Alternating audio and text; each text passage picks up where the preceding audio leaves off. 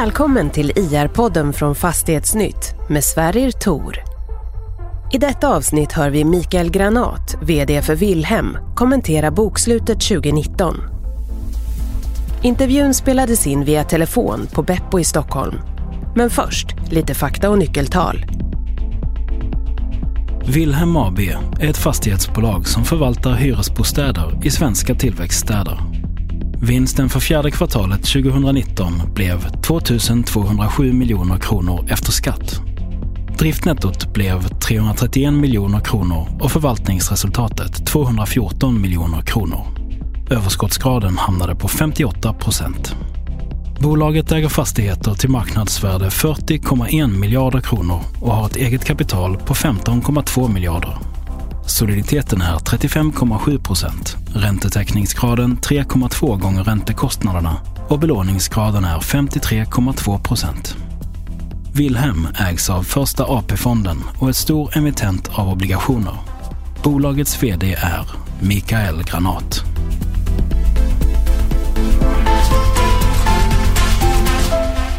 Hej Mikael och välkommen till podden. Hej, tack så mycket att jag får vara här. Alltid kul att ha med dig. Allt, allt är bra i Göteborg? Ja, allt är jättetoppen idag faktiskt. Det är fint väder och ja, det är lite ljusare och sådär så att man känner att man går mot rätt årstid. Så att eh, mm. det känns bra. Det känns som att det är liksom andra halvan av mars-väder på något sätt. Ja, lite grann mm. faktiskt. Mm. Du, du summerar ju 2019 här som, som ett särskilt bra år och, och jag tänkte, skulle du vilja utveckla det lite? Ja, det, det, jag uppfattar liksom att vi gör ett väldigt bra år förra året. Eh, det är många saker som eh, sammantaget går i rätt riktning och som påverkar bolagets utveckling positivt. Eh, tänker man siffermässigt så, så, så har vi en stark utveckling vad gäller intäkter. Vi har bra kontroll på våra kostnader. Mm. vi har en driftnettoutveckling som känns... ja, det är ett av de starkare åren kan man väl säga. Mm. Vi har bra ordning på vår projektportfölj. Alltså vi vill ju gärna investera mer i våra hus eh, och har ju flera år jobbat med att förbättra planeringsprocess och se till så att vi får rätt avkastning på det vi gör och sådär. Och, det, och förra året så, så, så, ser man att vi, ja, vi har en, en god utveckling eh, även där. Då. Så det, det, är många saker som gör att vi tycker att förra året är ett särskilt bra år. Okay. Eh, och, och, inte minst så har vi nöjdare hyresgäster. Mm. Vi fick pris eh, för bästa serviceökning i den här kundkristallen. Så att på något sätt så känns det som att det här är ett år där väldigt många, samtidigt, väldigt många saker i bolaget samtidigt går bra. Mm, mm. Och det är därför det känns, känns särskilt bra då. Men är det, är det kanske det bästa året i Wilhelms historia? Du, du har ju varit med från början så du kan väl Ja, nej, men man kan nog säga att det här, det här är... Vi har väl något år där vi har levererat högre totalavkastning och sådär men men det, det, var, det, det var 2015 tror jag. Det här året är liksom uh, lite mer på riktigt tycker jag. Så att det, här, är, det här är ett riktigt bra år. Alltså, mm. Alltså det, man kan säga att det är det bästa året i, i vår historia. Härligt. Då har vi en bra rubrik på den här. Men du, du nämner ju driftnettoutvecklingen och, och den hajade jag faktiskt till på också när jag läste igenom rapporten. Vad är det som främst förklarar liksom att driftnettot förbättras så mycket? Det är egentligen det jag var inne på tidigare. Vi har en, vi har en bra intäktsutveckling i bolaget. Alltså I jämförbart bestånd så, så kan man säga att eh, intäkterna ökar med 3,8 procent eh, mm. ungefär tror jag. Mm.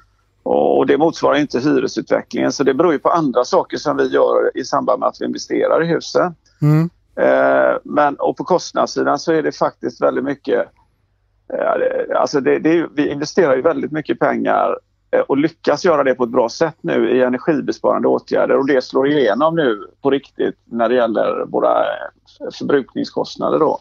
Okay. Så, att, så att det, det, det, är flera saker som, som faktiskt bidrar till det på ett väldigt bra sätt. Då. Mm.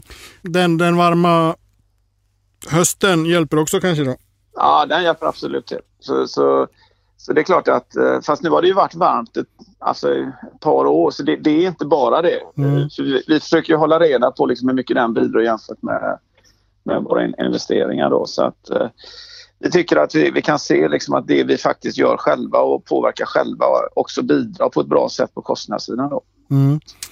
Det är två saker som jag reagerade på vad gäller just investeringar. Dels är det ganska imponerande att ni, ni lyckas ju faktiskt med konststycket att låta alltså investeringskostnaderna täcks ju av kassaflödet från den löpande verksamheten och då även när man har tagit hänsyn till, till räntekostnader.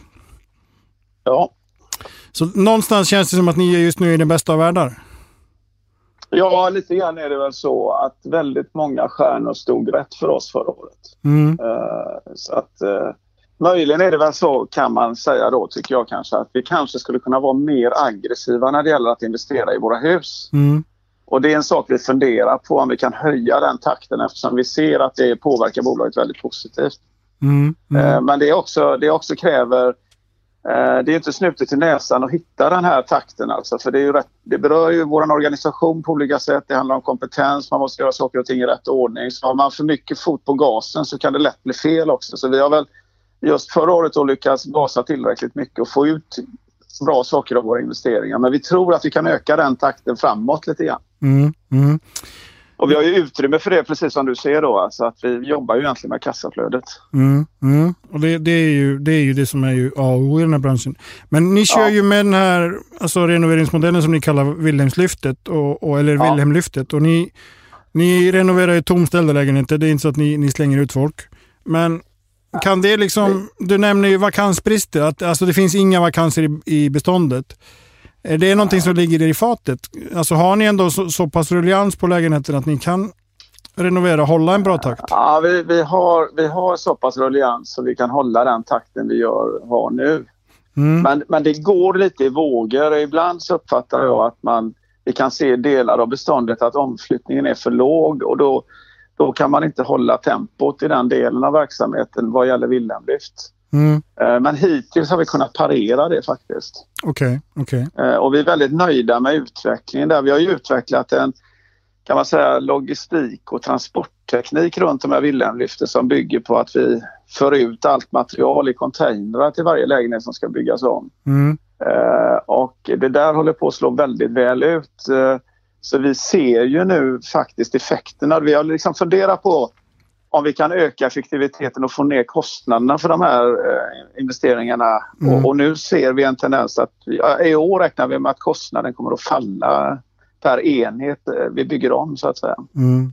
Och då får ni ju ännu större effekt i, i med tanke ja. på att räntan är så låg som den är. Då blir det en ännu mer intressant affär då ur ett mm. investeringsperspektiv. Då. Mm. En sak som är ju, ni, ni investerar i, i, i beståndet, befintliga. Ni, ni köper hus, ni säljer hus, eh, alltså befintliga hus. Ni bygger egna hus och nu har ni också börjat köpa utvecklingsprojekt, vilket om jag förstått rätt är nytt va? Det har ja, inte gjort faktiskt, nej, vi, vi, har faktiskt köpt genom åren en del sådana. Alltså det, det, man kan inte säga att det är nytt det här med att vi köper utvecklingsprojekt. Jag, det gjorde vi första gången redan 2013 tror jag. Okay, okay. Men man kan säga att vi har köpt fler de sista två åren än vad vi har gjort tidigare. Vi har ökat intresset för det. Mm. Så, så kan man säga. Vi har tyckt att de, alltså de affärer vi har gjort genom att köpa liksom projekt på det sättet som vi har gjort. Det har varit ganska intressanta affärer för oss. Så, mm. så vi har helt enkelt ökat intresset eftersom vi har fått fler möjligheter. Okej. Okay. Eh, det jag funderar på lite är, för nu, nu är beståndet över, över 50 miljarder, och, eller vad säger 40, 40 miljarder, förlåt. eh, frågan egentligen ska vara, vad krävs för att ni ska nå 50 och, och hur ser den primära strategin ut där för tillväxt? Ja, alltså vi, vi har ju lagt en affärsplan, men den tänker jag inte offentliggöra. Vi har en affärsplan här som rullar eh, de närmaste fem åren och det är klart att det, det, inte, det, det krävs inte jättemycket för, för att vi ska passera 50 miljarder. Alltså det krävs ju lite förvärv och lite att vi gör rätt saker i beståndet. Så där kan vi väl vara inom ett par år. Okej, okay, det är så pass. Ja, kanske. Men det finns inga stora, stora planer på någon större portfölj? Nej, alltså när vi, när, när vi gör de här affärsplanerna så gör vi det väldigt mycket utifrån hur vi bedömer att marknaden ser ut precis nu. Och, mm. Eh, och vi har då liksom lägger inte på väldiga tillväxtambitioner och så i de, i de analyserna eller i de beräkningarna. Men det är klart att vi har ju egentligen förvärvskapacitet om tillfället skulle dyka upp. Eh, och då kan ju vi göra saker som, som eh, ja, mm. som är lite större än de som ligger inom ramen för den här analysen, affärsplanen som vi gör då. Mm. Och det är klart, då passerar man ju 50 miljarder. Det, då, då, kan det gå ganska fort. Precis. Men det, liksom ligger inte, det ligger ändå inte liksom, det är inte det som är planen, alltså att vi ska skynda oss till 50 miljarder. Utan vi, vi är väldigt upptagna av att liksom utveckla det vi har och ha hög lönsamhet i det vi gör. Mm. Uh, för vi ser ju liksom att uh, när vi tittar på och gör analyser på det vi investerar i vårt egna bestånd och när vi tittar och gör efterkalkyler på husen vi har byggt själva. Alltså de affärerna då konkurrerar egentligen ut eh, investeringar i hus som redan står upp, ja. alltså på marknaden. Mm, mm. Och, och, det är klart att då blir det ologiskt att stå och säga att man ska komma till 50 miljarder genom förvärv. Alltså, då är det mer logiskt att säga att ja, då ska vi bygga fler hus själva och öka det tempot, bli bättre på det, för det är där de bästa affärerna ligger. Mm. Så det, det, är väl där vi har vårt fokus egentligen då. Men vi kommer fortsätta köpa hus. Okay. Eh, men vi drivs inte av den här liksom att vi måste nå 80 miljarder eller 60 miljarder. Det är inte det som driver oss liksom varje dag. Ni blir inte ängsliga så att säga? Nej, det blir det inte. Bra. En sak som jag funderar på, ni, ni ägs ju av Första AP-fonden, vilket vi har varit inne på tidigare. Ja. Eh, kan du avslöja någonting om liksom hur, hur utdelningspolicy och sånt ser ut? Alltså återinvesterar ni allting eller, eller? Nej men alltså vi har de senaste, ja, nu kan jag inte riktigt detta utan det är de senaste två åren, alltså inte, inte 19 inberäknat då, utan 17 och 18 tror jag, så har vi delat ut lite pengar. Mm. Eh, men men det är egentligen så lite pengar att det inte påverkar investeringstakten utan det har varit mer en fråga, vi ställer en fråga, hur ska vi göra i år? Och så har vi, ja, så har vi kommit fram till ett belopp då som kan det ha varit kanske 300 miljoner något år eller och så 350 det andra året. Och, och, och, i år ska vi ställa oss samma fråga och så får vi se vad det blir.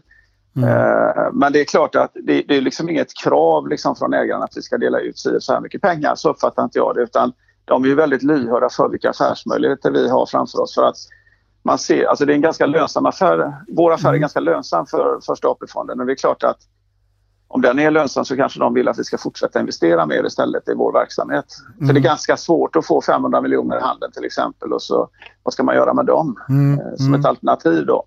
Det här är en fråga för ägaren. Mm. Är, jag spekulerar bara. men, det, men vi, vi, har liksom, vi har delat ut ett par, några mindre summor om man sätter dem i relation till bolagets storlek mm. eh, under ett par års tid. Men i övrigt så har det varit liksom ingen, ingen utdelning. Nej, precis. För det är ju som jag säger, det är liksom inte så att de, de saknar pengar direkt. Nej, nej jag, tror, jag vet ju inte riktigt exakt hur de har det, men det är klart att det, det är säkert svårt att och liksom äh, hitta avkastning i den här ganska låga räntemiljön. Då. Ja, precis. precis. Eh, du fick förresten en ny, en ny chef idag, en, en ny vd för, för AP-fonden. Ja, ja, ja, jag kan bara konstatera det. Jag känner inte till det annat än det du känner till om det. Jag har bara noterat det i eh, ett pressmeddelande. Jag har vetat att det har pågått så kan man säga. Mm, mm. Ja, det har inte varit någon hemlighet. Eh, ja, en fråga till vad gäller finansiering. För det är ju ändå, vi, har, vi pratar ju om det här ofta. Ja. Det är ju ändå, ändå syftet med den här podden. Eh, nu har vi fått en, en, eh, ett löfte inom citationstecken från, från Riksbanken om, om nollränta i minst två år framöver. Eh, den här lågkonjunkturen som vi har liksom pratat om lite senaste gångerna, den, den är ju inte här än. Den, den kanske kommer, man vet inte. Nej. Vad, vad, betyder det här miljön för er finansieringsstrategi? För nollränta och liksom en, en kan man säga förankrat ränta på 0% innebär ju att marknadsräntan börjar ju falla. Ni är ju väldigt marknadsberoende i finansieringen. Är det läge liksom att, att gå in och refinansiera hela stocken nu eller, eller vad, hur, hur tänker ni där? Först kan man konstatera då att, att om man backar bandet till slutet på 2018 så gjorde inte vi den bedömningen av ränteutvecklingen eh, för 2019 som utfallet blev sen. Mm. Alltså vi hade egentligen en, en förväntan av att räntorna skulle gå upp. Mm. Kanske inte jättemycket men de skulle åtminstone inte gå ner. Mm. Och vi hade också en förväntan om att eh, fastighetsvärdena skulle gå kanske lite mer i sidled, att de inte att de inte skulle gå upp eller att gilderna inte skulle gå upp. Nu blev det ju precis så att gilderna gick ju ner och eh, mm. räntorna gick också ner. Mm. Eh, och det blev vi väl, ja det är klart att det mår vi bra av men vi blev också lite överraskade av det då. Mm. Nej men vi, vi, vi är väl lite försiktiga. Vi försöker utnyttja marknadsläget med de låga räntorna till att binda ut och plocka hem så mycket långa positioner som möjligt för att få en så låg lång räntebindningstid och kapitalbindningstid som möjligt till så låg kostnad som möjligt. Så mm. vi är mm. lite försiktiga. Det, så det, kan man säga. Det är väl bra att vara. Eh, jag har egentligen bara två frågor kvar nu och den ena av dem gäller Wilhelm och, och den är hur ska 2020 bli ett särskilt mycket bra år? ja, ja, ja. ja, egentligen är det nog så faktiskt att då, då tror jag att eh, om det ska bli särskilt mycket bra så ska, det, så ska utvecklingen minst vara lika bra, lika bra i år som den var förra året när det gäller intäkter och kostnader och värden och sådär. Mm. Eh, men det jag skulle bli extra glad för tror jag, det är om vi får ännu högre fart i, i eh, alltså vår nyproduktion. Mm. Alltså vi ser ju att det är väldigt intressant, särskilt som man har, gör det på egen mark. Ja. Eh, och skulle vi lyckas få igång betydligt fler nyproduktionsprojekt än vad vi fick förra året så, så skulle det bli, bidra till att det blev ett särskilt mycket bra år då kan man säga. Mm. Och sen får man gärna krydda det med någon intressant eh, vanlig fastighetsaffär mm. eh, av mm. lite storlek. Då. Mm. Då skulle det bli särskilt mycket bra. Om vi pratar om ett år och du är uppe i 50 miljarder, då är det särskilt mycket, mycket bra? Ja, då, då är det särskilt mycket, mycket bra. Den sista frågan. Du är ju en, en, vi pratade om det fina vädret i början. Du är en flitig Vasaloppsåkare. Hur, hur tänker du i år? Ja, ja du, jag är lite bekymrad. Jag ska åka upp ett spår på söndag. Okej. Okay. Eh, och jag har ju bara sett bilderna från Vasaloppet, spåren är nu. Så att jag ställer in mig på ja, en besvärlig resa kan man säga. Rullskidor? Ja, det var någon som föreslog att jag skulle ta med mig det. Men jag, jag tror faktiskt det kommer finnas snö. Men frågan är vad skicket är på det. Ja, precis. Det, precis. det är det som kommer att vara besvärligt. Mm. Eh, vi får hoppas att det blir, blir trevligt. Stort tack Mikael som vanligt. Trevligt att prata med dig. Ja, detsamma. Tack ska du ha.